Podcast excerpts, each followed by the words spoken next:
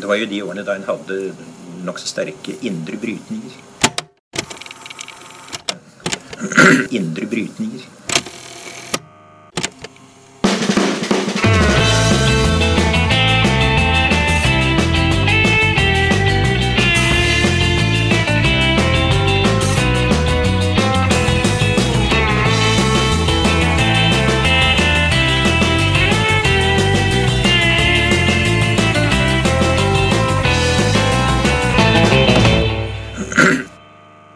Hei og velkommen til Noen har snakket sammen. Mitt navn er Tiril Rustan Halvorsen. Og jeg heter Aksel Fjellavli. Vi har jo snakket eh, noe om koronasituasjonen, Aksel, men mest her hjemme. Eh, men det heter jo ikke en pandemi for ingenting. Det betyr jo at viruset har spredd seg globalt og til eh, hele verden. Eh, og at det ikke bare er Belgia og USA som rammes hardt. Så vi tenkte denne episoden å vende blikket litt ut i verden, rett og slett. Og da er det jo så flaks og så bra for oss at Tankesmien Agenda har en internasjonal rådgiver. Katarina Bu, velkommen hit. Tusen takk for det. Eh, du må jo få nesten nevne oss at eh, du har en podkast som heter Utviklingspotensialet, sammen med Mathias eh, Slettholm. Ja. Og dere har jo gravd veldig dypt i dette temaet over flere episoder, så det kan vi jo si innledningsvis at det er å anbefale. Men veldig mye av de, de temaene vi skal snakke om i dag, er egentlig ganske nye for Aksel og meg, og da helt sikkert med flere. Så det er veldig, veldig fint at du kunne komme hit og forklare oss litt. Fordi eh, Hvis vi kan begynne der, da, med å rett og slett bare se ut eh, fra den navlen som nå heter eh, Vest-Europa og USA. Hvordan er, hvordan er ståa egentlig når man ser ut i verden på smitte og dødsfall og korona generelt? Ja, um, jeg kan jo begynne med å si det at eh, for oss som er opptatt av global solidaritet og det internasjonale perspektivet av denne eh, pandemien, så kan man jo noen ganger føle på en litt sånn matthet over den norske debatten, eh, hvor alt eh, handler om eh, ned til eh, hvor mange vaksiner får den og den kommunen, og får den den på onsdag eller på fredag eller neste uke. Når vi ser ut av, over Norges grenser og utover Europas grenser, så er det jo i dag, eh, 20. januar, veldig eh, mange land som fortsatt ikke har en eneste vaksine. Eh, Verdens helseorganisasjon sin leder eh, holdt et flammende innlegg i, på mandag, eh, hvor han sa at kun 50 land har startet utrullingen av vaksiner eh, nå, og 41 av de er rike land, høyinntektsland. Åtte er mellominntektsland, mens bare ett eneste lavinntektsland har eh, eh, Vi har jo sett bilder fra Italia som har vært ganske dramatiske. Vi husker også bildene fra New York med alle disse kistene i gatene og liksom lik som lå på kjøling og osv. Men det har vært mindre sånne dramatiske bilder, i hvert fall i norske medier fra utviklingsland. Er det fordi situasjonen har vært mindre dramatisk, eller er det bare fordi mediene er mer interessert i å dekke New York og Italia? Eh, Det er begge deler. Eh, Europa og USA har vært hardest ramma og var det i første omgang av pandemien. Eh, men Brasil, India, Mexico, Indonesia, Bangladesh, nå Sør-Afrika er land som har hatt og har stigende smittetall. Eh, og de lignende bildene de du forklarer, har vi også sett i andre land, men har nok ikke nådd norske medier eh, i like stor skala. Ecuador f.eks., et land som ble veldig hardt rammet eh, tidlig av pandemien, hvor man rett og slett ikke har klart å få folk til sykehus i tide, eller, eller få gravlagt de ordentlig. Og for litt over en uke siden så passerte vi to millioner døde globalt. Og eh, ser man på en måte regionalt, så er det helt riktig at det er eh, USA og Europa som har det stramma. Eh, deler av Asia og Afrika har ikke hatt like høye smittetall. Latin-Amerika har hatt vedvarende høye, og deler av Asia har også det. Eh, men så skal det også sies at Afrika og deler av Asia rapporterer eh, også før pandemien for dårlig på, på hva folk dør av, og hvor mange som dør. Det finnes ikke offisiell statistikk eh, over hva folk dør av. Eh, og det er også blitt utført altfor lite testing i veldig mange utviklingsland, sånn at eh, underrapportering er nok et, eh, et stort problem i, i store deler av verden. Ja, for jeg, jeg har hatt en litt sånn eh, hjemmesnekra hypotese når jeg har sett på, på smittetall fra Norge, der man har sett at f.eks. Oslo vest ble ramma først ganske hardt med folk som kom hjem fra skiferie i Øst Østerrike osv., og, så og så kom det eh, på Oslo øst. Eh, og det virka å være sånn at jo tettere man er på en måte kobla på den globaliserte verden, jo raskere får man smitte. Eh, og jeg lurer på om det er en rimelig forklaring på hvorfor smittetallene f.eks. i Afrika, og, og, i hvert fall deler av Afrika, har vært ganske lave i forhold til rike land, eller om det er andre forklaringer på eh, forskjeller i smitte mellom rike og fattige land. Mm. Eh, også der er det jo mye vi fortsatt ikke vet nok, og det vil nok eh, komme gode studier på disse tingene etter hvert. Eh, men det er nok deler av forklaringen. Det er mange forklaringer eh, er det foreløpig ekspertene peker på. Eh, lite reisevirksomhet er en av de, både på tvers av landegrenser, men også internt i land. Eh, veldig mange mennesker i afrikanske land eh, forflytter lite på seg, rett og slett fordi de ikke har råd til å verken eh, ta bussen til hovedstaden eller i hvert fall ikke et fly ut av landet. Um, andre ting de peker på, er selvfølgelig når det gjelder Afrika, at de har en gjennomsnittsalder som er veldig lav. Eh, det er ikke så mange eldre folk, rett og slett fordi de har dødd av andre ting eh, allerede. Uh, klima er en annen ting som pekes på, at det er varme, ikke sant. Det har vi jo hørt en diskusjonen her hjemme også. Men også interessant nok er at uh, veldig mange utviklingsland, og spesielt afrikanske land, har jo en mye bedre eh, og større erfaring i å håndtere epidemier enn det Europa og vestlige land eh, har hatt. Jeg bodde f.eks. I, i Uganda i 2007, når det var et ebolautbrudd, et lokalt ebolautbrudd der. Da tok det én dag eh, fra eh, det ble annonsert at nå er det et ebolautbrudd i nabofylket fra der jeg bodde, og da var det eh, på kort tid var det hengt opp plakater overalt, folk sluttet å hilse på hverandre.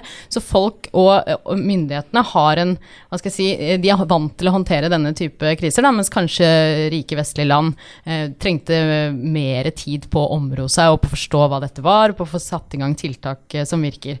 Eh, så det er nok også deler av forklaringen. For, dette har vi jo eh, hørt eh, diskusjoner om bl.a. knytta til smittetall i land som Sør-Korea, Taiwan, Japan, med erfaringer fra SARS-epidemien eh, særlig. At man i helsesystemet og i befolkninga har hatt en form for læring som gjør at man er eh, bedre i stand til å takle en, en pandemi som den vi ser nå. Men eh, dette er jo eh, avanserte helsesystemer, rike land, eh, som kanskje har en annen type kapasitet for læring enn mindre avanserte helsesystemer i, i, i fattige land.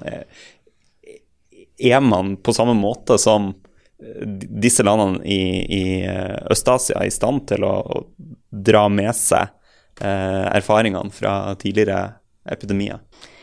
Eh, det blir jo litt sånn fri tenkning fra min side her nå, da. Eh, men det er jo helt riktig som du sier at veldig mange afrikanske land har altfor svake helsesystemer til å håndtere eh, både forebygging, men også behandling av, av sykdommer. Men nettopp kanskje derfor så er jo også folk kanskje mer vant til å ta ansvar selv.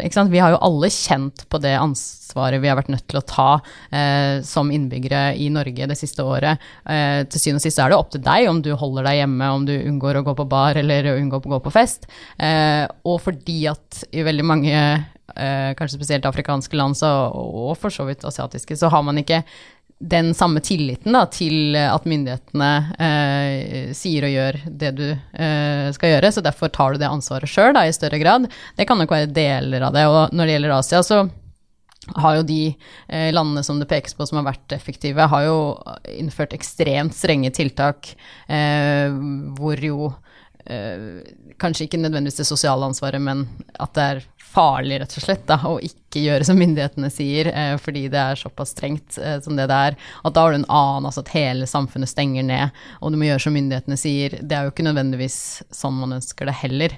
Men, eh, men det som jo vil vise seg etter at pandemien er over, er jo hva man kan lære til en eventuelt ny pandemi, hvordan man skal håndtere det. Og der tror jeg det vil være mye lærdom uh, fra, fra land utenfor Vesten, da. Ja, fordi altså, denne pandemien eh, Altså ikke akkurat denne pandemien, men en pandemi har jo vært varslet av flere institusjoner både i Norge og internasjonalt. Um, og så kan man jo si at Norge har hatt relativt uh, god beredskap, men det har vært uh, hull særlig på smittevernutstyr f.eks. Hvordan vil du si at den globale beredskapen har vært uh, for å møte en, en slik pandemi? Eh, Verdens helseorganisasjon eh, og andre internasjonale organisasjoner har jo eh, varslet denne pandemien eh, i flere år, eh, og det er jo helt åpenbart at ikke landene har vært beredt nok. Eh, og det er jo fordi at til syvende og sist så er det det nasjonale systemet og helsesystemene som skal iverksette disse planene, som, som også gjelder i Norge. Um,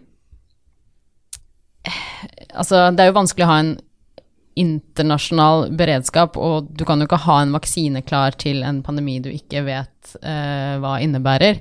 Um, så når det gjelder på en måte etter at pandemien var, var, et faktum, og hvordan man har håndtert den, så er jo suksessen at vaksine har blitt utviklet på rekordtid. Altså aldri før har det jo uh, vært gjort det. Når man ser på en del av tiltakene som ble innført, kanskje spesielt uh, de første månedene, så var jo ikke de nødvendigvis eh, basert på tidligere erfaringer.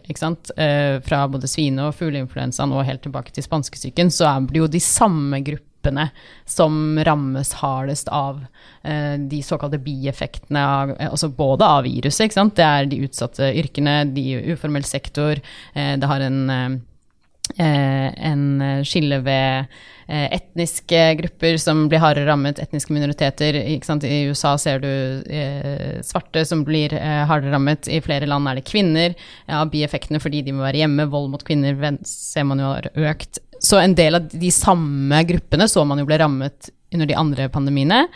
Um, og det har man jo åpenbart ikke lært av når man da iverksetter tiltak. Eh, Får vi en ny pandemi i Norge om fem eller ti år, så skal det nok sitte hardere å stenge skolene f.eks., for eksempel, fordi at man nå har gjort den lærdommen. Og lignende lærdommer eh, hadde man nok ikke i tilstrekkelig grad tatt inn over seg fra, fra forrige pandemi, da. Men eh, at vi nå skal komme oss ut av pandemien, og med hele vaksine Vi kan komme litt tilbake til vaksine, kanskje, men, eh, men eh, der er det jo uh, kort fortalt uh, en suksesshistorie, i hvert fall med å utvikle vaksiner, og så er jo fordelingen av den en, en annen historie. Mm.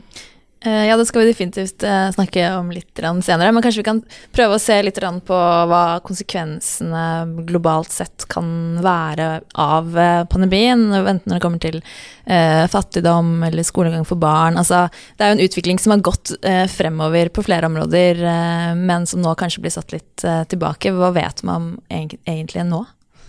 Nei, der også er det jo først og fremst estimater, da, ikke sant? for de store makrotallene kommer jo gjerne etter noen år. Men eh, Verdensbanken eh, frykter at antall mennesker som lever i ekstrem fattigdom, som da måles ved 1,90 dollar dagen, vil øke et sted mellom 85 og 115 millioner flere mennesker bare i løpet av 2021. Nei, men er det fordi folk også har mistet jobben, f.eks.? Ja, selvfølgelig. Mm. Eh, altså I veldig mange utviklingsland så er jo opp mot 80-90% i uformell sektor. De er helt avhengige av å komme seg ut av huset, eh, jobbe på gata eller ha en liten kiosk, eller ikke sant, eh, er ikke i den formelle sektoren. Um, og selv om en del utviklingsland har klart å gjøre noen mottiltak med eh, såkalte cash transfers, da, altså sosiale velferdspengeoverføringer, eh, mm. eh, så er jo det først og fremst vært til de i formell sektor. Og så har du hatt eh, noen retta til andre grupper, men det har vært alt, altfor lite. Ikke sant? Vi kan jo sammenligne med her hjemme, hvor alle som har mistet jobben eller er permittert, eh, har jo fått støtte fra Nav.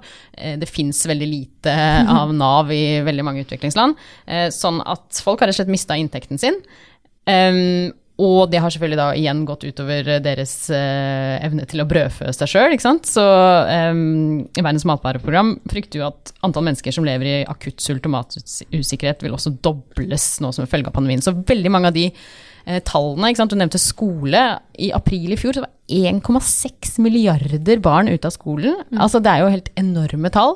Eh, nå er jo heldigvis mange av de kommet tilbake, men fortsatt flere hundre millioner som ikke har det. Og man frykter at veldig mange barn vil stå Altså vil aldri komme tilbake til skolen. Eh, kanskje fordi de har måttet da eh, finne seg noe jobb å gjøre.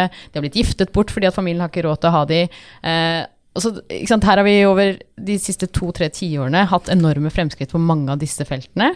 Og så får man i løpet av veldig kort tid enorme tilbakeslag. Så Eh, globalt har jo pandemien vært en hel katastrofe. Selvfølgelig når det gjelder smitte og eh, de som er døde, og press på helsesystemet og alt det som handler om helse. Men alle de bieffektene og hvordan folk har blitt ramma rett og slett fordi de ikke har kunnet reise, jobbe, eh, gjøre som normalt, det er vel kanskje det som har vært den store katastrofale eh, resultatet av krisen. Og, og sånn som du ser det, er det sånn at disse tingene som man allerede kan se på eh, estimater, eh, er det eh, effekter som vil bite seg fast? Altså Vil man få et permanent tilbakeslag i ekstrem fattigdom, f.eks.? Det er jo det store spørsmålet. Og um, hadde verden Nå er det 20. januar, og vi får uh, heldigvis en ny president i USA, så man kan jo kanskje håpe på at det vil hjelpe noe. Men hvis man ser på hvordan verden har gått de siste årene, også før pandemien, når det gjelder internasjonalt samarbeid, så er jeg ikke superoptimistisk. Vi fikk jo disse bærekraftsmålene som alle land skulle jobbe sammen om i 2015. De går det veldig tregt, og nå går det jo i hvert fall altså, Jeg liker jo ikke å være pessimist, jeg vil jo helst være optimist, men eh, det henger jo veldig tynt tråd at man skal nå de innen 2030. Og det handler jo mye om globalt samarbeid, og eh, det står jo ikke veldig sterkt akkurat nå. Eh, noen vil si at på en måte pandemien har bare eh, akselerert denne trenden med at eh, nasjonalstatene jobber hvert eh, for seg. Og sant, det, er kutt i bistand i mange land. Det er for lite vilje til å inngå internasjonale avtaler og forhandlinger som gjør at utviklingslandene si, har mer makt i internasjonale fora. det er ganske mye som går i negativ retning. og Um, igjen ser man på tidligere kriser, da, så er det jo nettopp en del av de tingene har jo en tendens til å bite, bite seg fast. Uh, men derfor er det jo ekstra viktig at man uh, får fortgang i økonomiene, at man uh, får press. Og det er jo kanskje et lite lyspunkt, er jo nettopp at en del nasjonale myndigheter har uh, f.eks. i Brasil, da, så har man jo innført flere sånne sosiale velferdsprogrammer. Um, som har gjort at ulikhetene ikke har gått like mye opp som det man kanskje fryktet, og ikke like mange mennesker har havnet i fattigdom. Um, og så er det jo flere som kanskje vil si at det er vanskelig å se for seg at Bolsonaro vil eh, fortsette å eh, ha råd å videreføre de programmene, og i hvert fall ikke skattlegge de rikeste. Eh, men eh, det er jo noen som snakker om en sånn nasjonalstatens tilbakekomst på godt og vondt. Da. Både at man er opptatt av sitt og sine først, men også at kanskje staten kan få en større rolle i f.eks. å tilby sosiale velferdsprogrammer. Eh, det kan jo være et motvirkende tiltak. Men denne pandemien viser jo nettopp at politikk må til, da. Og det er jo ikke så veldig eh, vanskelig å forstå at eh, politikk virker, men det kan være at flere land og innbyggere forstår eh, hvor avhengig man er av eh, staten.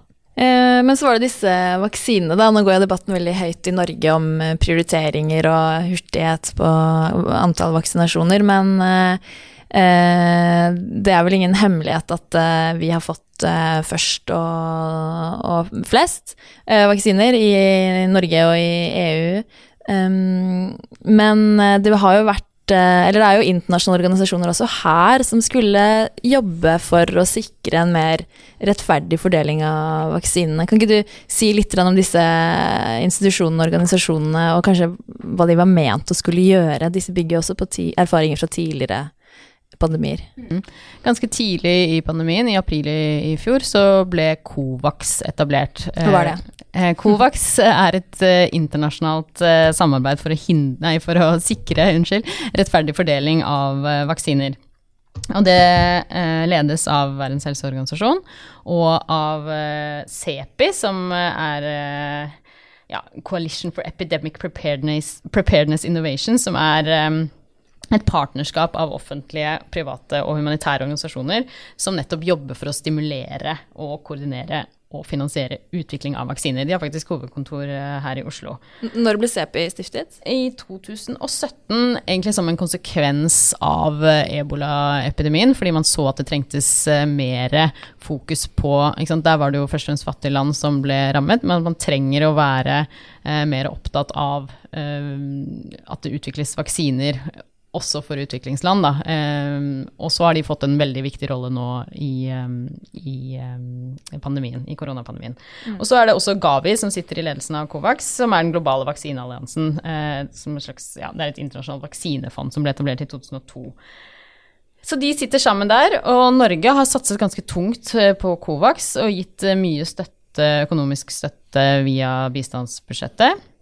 Uh, og det Covax eh, jo jobber for, er å sikre at alle land skal få uh, vaksiner, ikke bare de rikeste. Og ganske tidlig så gikk de ut med et mål om at alle land som på en måte ble med i Covax, skulle få 20 dekning uh, av vaksiner. Og så kan man jo si nå i etterkant at det kanskje var litt dumt å si 20% fordi som Bent Høie sa på Stortinget denne uken, så vil jo ikke vi bare vaksinere 20% av befolkningen. Her håper man jo å få vaksinert flest mulig. Um, og kanskje litt derfor så har Covax slitt med å få nok støtte fra de rike landene til å kjøpe sine vaksiner via Covax. Det ble ganske tydelig at de rike landene gikk for andre løsninger ganske tidlig. Eh, EU har sikra en stor innkjøpsavtale med de store selskapene. Israel, Canada, USA, Storbritannia, alle de har inngått bilaterale avtaler. Og ved mm. å gjøre det, så har de på en måte indirekte slått beina under Covax-samarbeidet. Og ja, For utgangspunktet så skulle alle landene gå sammen via Covax lage avtaler med vaksineprodusentene? Altså skulle og skulle, det hadde jo vært en ønsketenkning, da. For ja. da hadde man sagt det var tanken bak at, Det var tanken bak, og at mm. alle da skulle Um? Da ville man kanskje klart å fordele det litt mer rettferdig. Men det som har skjedd nå, er jo at de rike landene har renska butikkhullene for uh, vaksiner. Uh, de har kjøpt opp alle de som på en måte er i prosess, og også de som nå er ute på markedet. Uh, noe av ulempen der for de fattige landene er jo at de som ble ferdig først, og det visste man jo ikke, ikke sant? I, i april eller i sommer hvem som kom til å vinne vaksinekappløpet. Men Pfizer da, og Moderna som er ute på markedet nå, de trenger jo veldig mye nedkjøling, og det har på en måte vært noe av argumentet for at uh, utviklingsland og afrikanske land som ikke har uh, det, infrastrukturen til å gjøre det, Uh, har kjøpt opp de vaksinene. Men fordi at eh, Covax-samarbeidet nå liksom går for tregt, fordi det får jo heller ikke nok finansiering inn fra de rike landene, slik at eh, Covax kan tilby en vaksine for billigere pris, fordi de fattige landene har jo ikke råd til å kjøpe disse vaksinene for opp mot 20 dollar, som de nå selges for, visstnok. Det er jo vanskelig å vite også, for disse mhm. avtalene er veldig hemmelige. Så sliter jo nå de afrikanske landene og utviklingslandene med å få tak i nok vaksiner. Så forrige uke så ble det klart at Afrikansk union har inngått en egen bilateral avtale, også med Pfizer.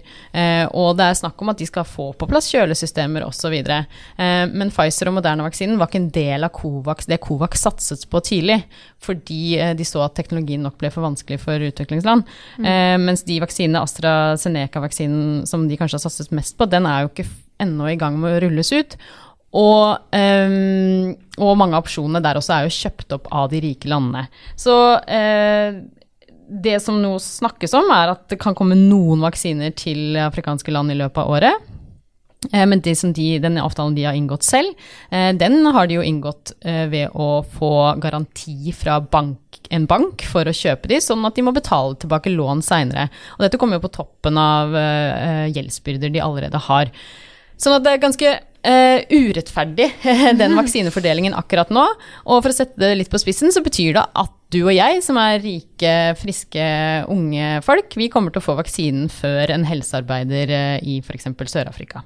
Uh, hvis man tenker på klimaendringer f.eks., så er det jo en, en begrensa ressurs som skal fordeles mellom land i verden, hvor, hvor mye utslipp man har igjen å slippe ut. Mens for vaksiner, så er det jo litt annerledes. Det er jo ikke en begrensa ressurs. Selv om det er begrensa hvor mye vaksiner vi har akkurat her og nå, så er det i prinsippet Nå, nå kjenner ikke jeg til sammensetninga av, av vaksiner og sånne ting, men, men i prinsippet er det ubegrensa hvor mye vaksiner man kan lage. Så alle kan få, i prinsippet. Eh, så det som skjer når man skyter opp etterspørselen etter vaksiner, skulle man jo tenke var at prisen går ned. Eh, fordi produksjonen har eh, gått opp. Så er det ikke sånn at uh, det er et gode for fattige land at rike land kjøper masse vaksiner? Jo, det er jo gjerne det de rike landene nå sier, da. At det ved at de bidro til å uh, kjøpe tidlig, også før vaksinen var ferdig, ikke sant? sånn at uh, selskapet kunne fortsette å utvikle det, så har de bidratt til å få fortgang i markedet. jeg eh, tror at her var, ville etterspørselen uansett vært så høy. Og det skal også sies at disse selskapene har jo fått ekstremt mye offentlig støtte eh, tidlig. Eh, nå bidrar man jo til å øke prisen kanskje fordi det blir et sånt eh, budkappløp mellom de rike landene.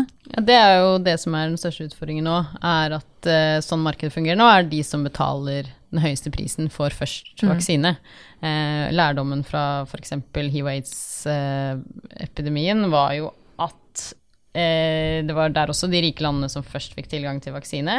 Um, og så pga. både prissettingen, da, som er tilfellet også her, men også patentrettigheter, som også er et, uh, en diskusjon når det gjelder koronavaksinen, uh, så så man jo da at da fikk de landene først de generiske og billigere vaksinene etter to tiår ikke med hiv-pandemi. Og da er det jo veldig mange som potensielt har dødd av, også av korona. Og det er jo det noen forskere peker på nå, at kanskje vil prisene bli akseptable nok for de fattige landene. Eh, og eller man vil faktisk få tilgang til generisk medisin eller mer produksjon eh, i utviklingsland, sånn at eh, vaksinen eh, kommer til utviklingslandene først i kanskje 2023. Mm. og da er vi alle vi andre fullvaksinert med dyr vaksine allerede. Men det er jo, altså, hvordan, hvordan løser man dette? Det, politisk er det jo klart at det er veldig vanskelig å si at du Kjetil, Norge, du, vi, vi, gir ikke den vaksinen til deg, vi gir den til Samuel i Ghana i stedet. Mm, mm. Eh, altså, Politikerne blir jo valgt av Kjetil og ikke av Samuel. Selvfølgelig, og det er jo det store spørsmålet, egentlig det meste når det gjelder internasjonal eh, politikk og, og, og samarbeid internasjonalt. Um, og jeg har forståelse for det, ikke sant. Og derfor er det jo også viktig at eller det er helt forståelig at norske myndigheter ønsker å sikre vaksiner til Norge, norske befolkningen først. Eh, når det er sagt, så eh, er det jo ikke alle rike land som har gjort sånn som Norge har gjort, ved å gi Man kan jo fortsatt gi støtte og penger inn i Covax-samarbeidet, sånn at de også kan kjøpe flere vaksiner til å liksom gi da, til utviklingsland. Men så er det det store spørsmålet, og det som utviklingsland selv har vært opptatt av, fordi rettigheter på vaksiner forhandles i Verdens helseorganisasjon under det som heter TRIPS-regelverket. Eh, og i høst så ble det diskutert i WTO et forslag fra India og Sør-Afrika hvor de ønsket under pandemien å få et unntak fra dette regelverket, slik at de kunne få disse eh, oppskriftene rett og slett da, fra de produsentene som nå har laget vaksine, sånn at de kjapt kunne gå i gang med å lage vaksine, en generisk vaksine eh, mens pandemien pågår. Altså et slags unntak eh, slik til nok folk hadde fått vaksine. Og det ville vært helt mulig, eh, vil noen si. Andre sier at nei, for produksjonskapasiteten er ikke tilstrekkelig. Eh, men kanskje ville det ikke vært tilstrekkelig for å sikre vaksine nå i løpet av neste halvåret, men kanskje i løpet av et år eller to så kunne man bygd opp fasiliteter som kunne produsert mer vaksine i utviklingsland. India er jo en av de landene som produserer aller, produserer aller, aller mest vaksine internasjonalt. Det forslaget i WTO ble stemt ned av alle de rike landene, eh, hvor de peker på at Eh, altså Norge f.eks. sier at det er for vidtgående, at det liksom omfattet for mye av eh, såkalte patentrettigheter. Eh, og et argument som jeg har sånn delvis sympati for, at det ville være vanskelig å få eh, enstemmighet i WTO om dette, da, nettopp fordi, som jeg snakket om i stad, eh, politikken i internasjonale organisasjoner eh, er veldig vanskelig å forene land som eh, USA med Kina, med eh, India, med Sør-Afrika osv. Eh, sånn at eh, når det forslaget da kom også opp i Stortinget her i Norge, fra SV, så stemte alle de andre partiene imot. Og da var nok det noe av grunnen til at de mente at det liksom eh, var ikke, altså, som Kirkens Nødhjelp kalte det, et blindspor, at det var viktigere å satse på Covax. Men jeg vil jo si at for et år eller to eller tre eh, fremover, og ikke minst for neste pandemi, så er det jo den type systemisk endring som må til. At man kan faktisk eh, få mer eh, rettferdighet i hvordan vaksiner produseres og distribueres internasjonalt. Eh, og det skal jo også sies at det er ekstremt mye hemmelighet knytta til disse avtalene, og vi vet veldig lite om hva legemiddelselskapene eh, gjør og ikke gjør, hvor mye de får betalt. og det er en annen ting som det også trengs å etterspørre mer fra politiske myndigheter. sånn at man eh, i neste pandemi ikke sitter i en sånn situasjon hvor legemiddelselskapene sitter på en måte med, egentlig med all makten, da. Og det er de som til syvende og sist eh, tjener pengene. Og eh, de vil jo selge vaksinen for så høy pris som mulig. Um, og det er det jo nå noen som sier at de har en profittmargin på 60-70% allerede, i tillegg til at de har fått masse offentlig støtte for å utvikle de vaksinene. Så um, ja, en større rettferdighet om uh, produksjon og utvikling og fordeling av vaksiner kommer nok til å være den store diskusjonen også etter pandemien er ferdig. For å være litt uh, djevelens advokat her også, så er det jo en, en ulempe både for Samuel og Kjetil dersom man vanner ut insentivene til legemiddelselskapene til å produsere vaksiner raskt gjennom å ha høye profittmarginer og sterk patentbeskyttelse. Man, altså Gjennom disse diskusjonene så risikerer man jo å skape et system som er dårligere for alle også kunne man tenke seg. Ja, og det er jo den argumentasjonen eh, både regjeringen for så vidt har fremsatt i hvorfor de stemte imot dette forslaget i WTO, og som legemiddelindustrien setter selv også. Eh, jeg tror det er mulig å finne en eh, balansegang der, da.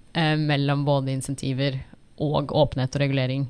Um, uten at man skal ha et på en måte internasjonalt uh, kooperativ av legemidler, så tror jeg absolutt det er behov for en uh, stor forbedring. Uh, og da må man i hvert fall tørre å åpne opp rommet for den diskusjonen, da. Og den burde vært i Verdens handelsorganisasjon, men den er på en måte lukket nå fordi at alle de rike landene nekter å ta den. Mm.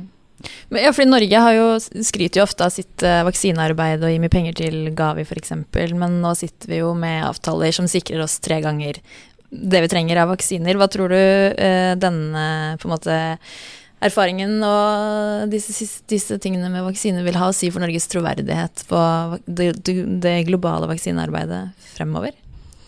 Eh, nei, ikke sånn veldig mye. Uh, Norge har helt riktig, som du sier, en, eh, en høy standing internasjonalt. Uh, men jeg så jo at det var noen uh, eksperter og politikere fra Sør-Afrika f.eks. som reagerte på at Norge ikke Eh, stemte for eh, i WTO. Og på tidlig 2000-tall så hadde Norge en mer framoverlent rolle på disse tingene, og jobbet bl.a. for å gjøre hiv-vaksiner eh, tilgjengelig også for utviklingsland. Så det at de lukket den døren så kjapt nå i WTO, var nok litt overraskende for mange. Men eh, sammenlignet med mange andre rike land, så har jo Norge vært en absolutt pådriver både for å støtte opp om Covax-samarbeidet og eh, sant, har utnevnt en egen eh, ambassadør, eh, Jon Arne Røttingen.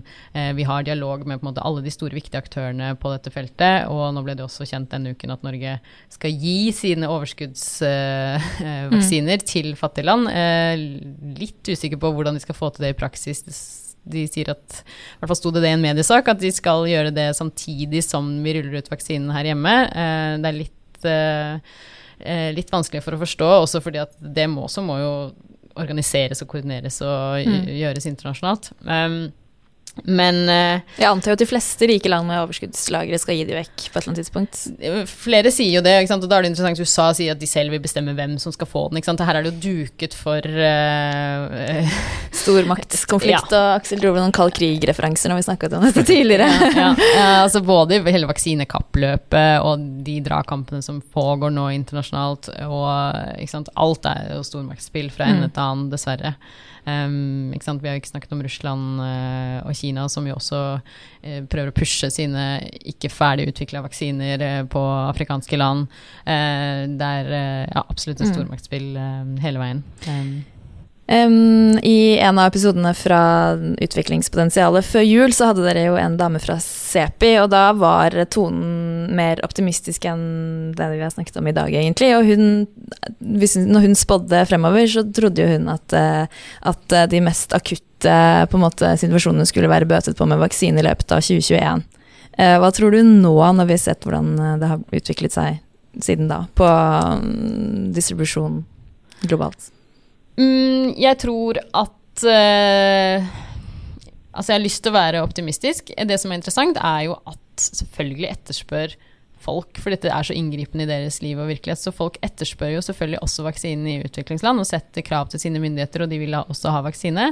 Eh? Og når eh, Sør-Afrika fremmer et forslag i WTO, eller når Den afrikanske union går ut og sier at de kjøper eh, egne vaksiner eh, utenfor Covax, eh, så er det jo også fordi at de trenger å vise til sine innbyggere at de er handlekraftige og, og gjør noe for å, å, få denne pandemien til å gå over også i sine land.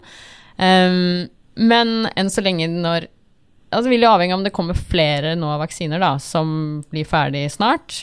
Um, så vil jo forhåpentligvis det presse prisene noe ned. Og uh, hvis man klarer å få opp produksjonskapasiteten, uh, så forhåpentligvis vil man få noen deler, spesielt kanskje helsearbeidere, vaksinert i flere utviklingsland. Um, men uh, jeg har ikke noen grunn til å ikke tro på de studiene som sier at uh, for å liksom få opp mot 60% som trengs for å få flokkimmunitet i afrikanske land, så vil det ta to-tre år.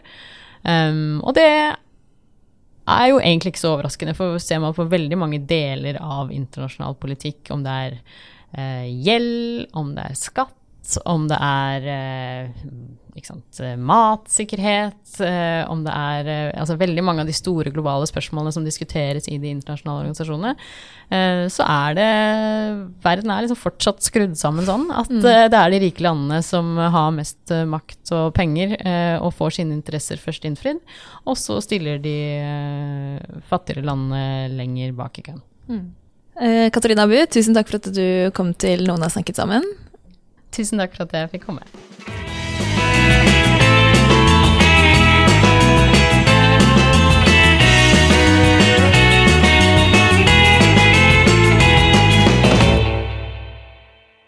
All right, da gjenstår det bare å anbefale noe, Aksel.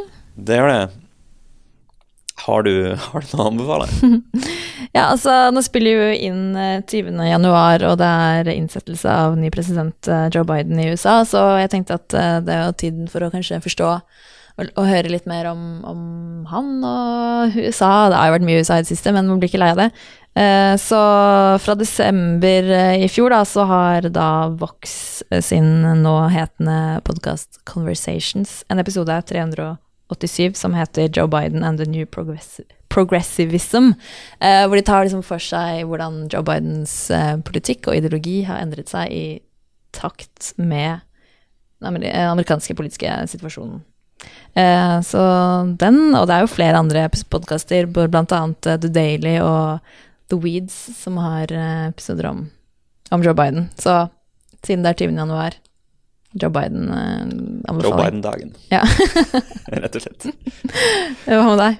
Jo, jeg har eh, Jeg driver jo og triller rundt på en liten baby all the time, og da får man jo tid til all å høre All the time? ja, nei, ikke all the time, men uh, en del. da. Mye. Han vil bare sove når han uh, blir trilla. Så, sånn er det. Bortskjemt unge. Ja. ja. Uh, men da får man tid til å høre veldig mye på lydbok, og en av de lydbøkene jeg har hørt i det siste, er den nye biografien om John Maynard Kanes, som heter The Price of Peace. som var veldig bra, som jeg anbefaler å, å, å sjekke ut.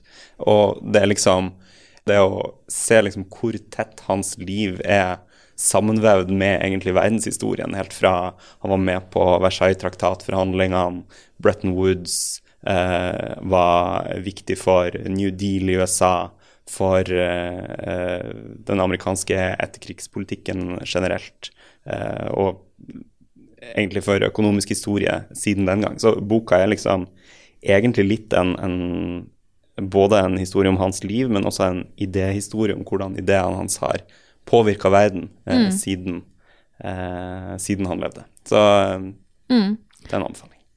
Da går det an å slenge på Tankes min agenda sitt eh, foredrag holdt av Kalle Mone, eh, som du kan finne på YouTube-siden vår, hvor han ja, tar opp litt sånn myter rundt Kanes og hvordan man virkelig skal forstå Kanes. En litt sånn forkortet Absolutt. utgave absolutt. Så man kan se på også. Ja. Men uh, da sier vi takk for uh, nå, så snakkes vi igjen neste uke. Det gjør vi. Ha det. Ha det godt.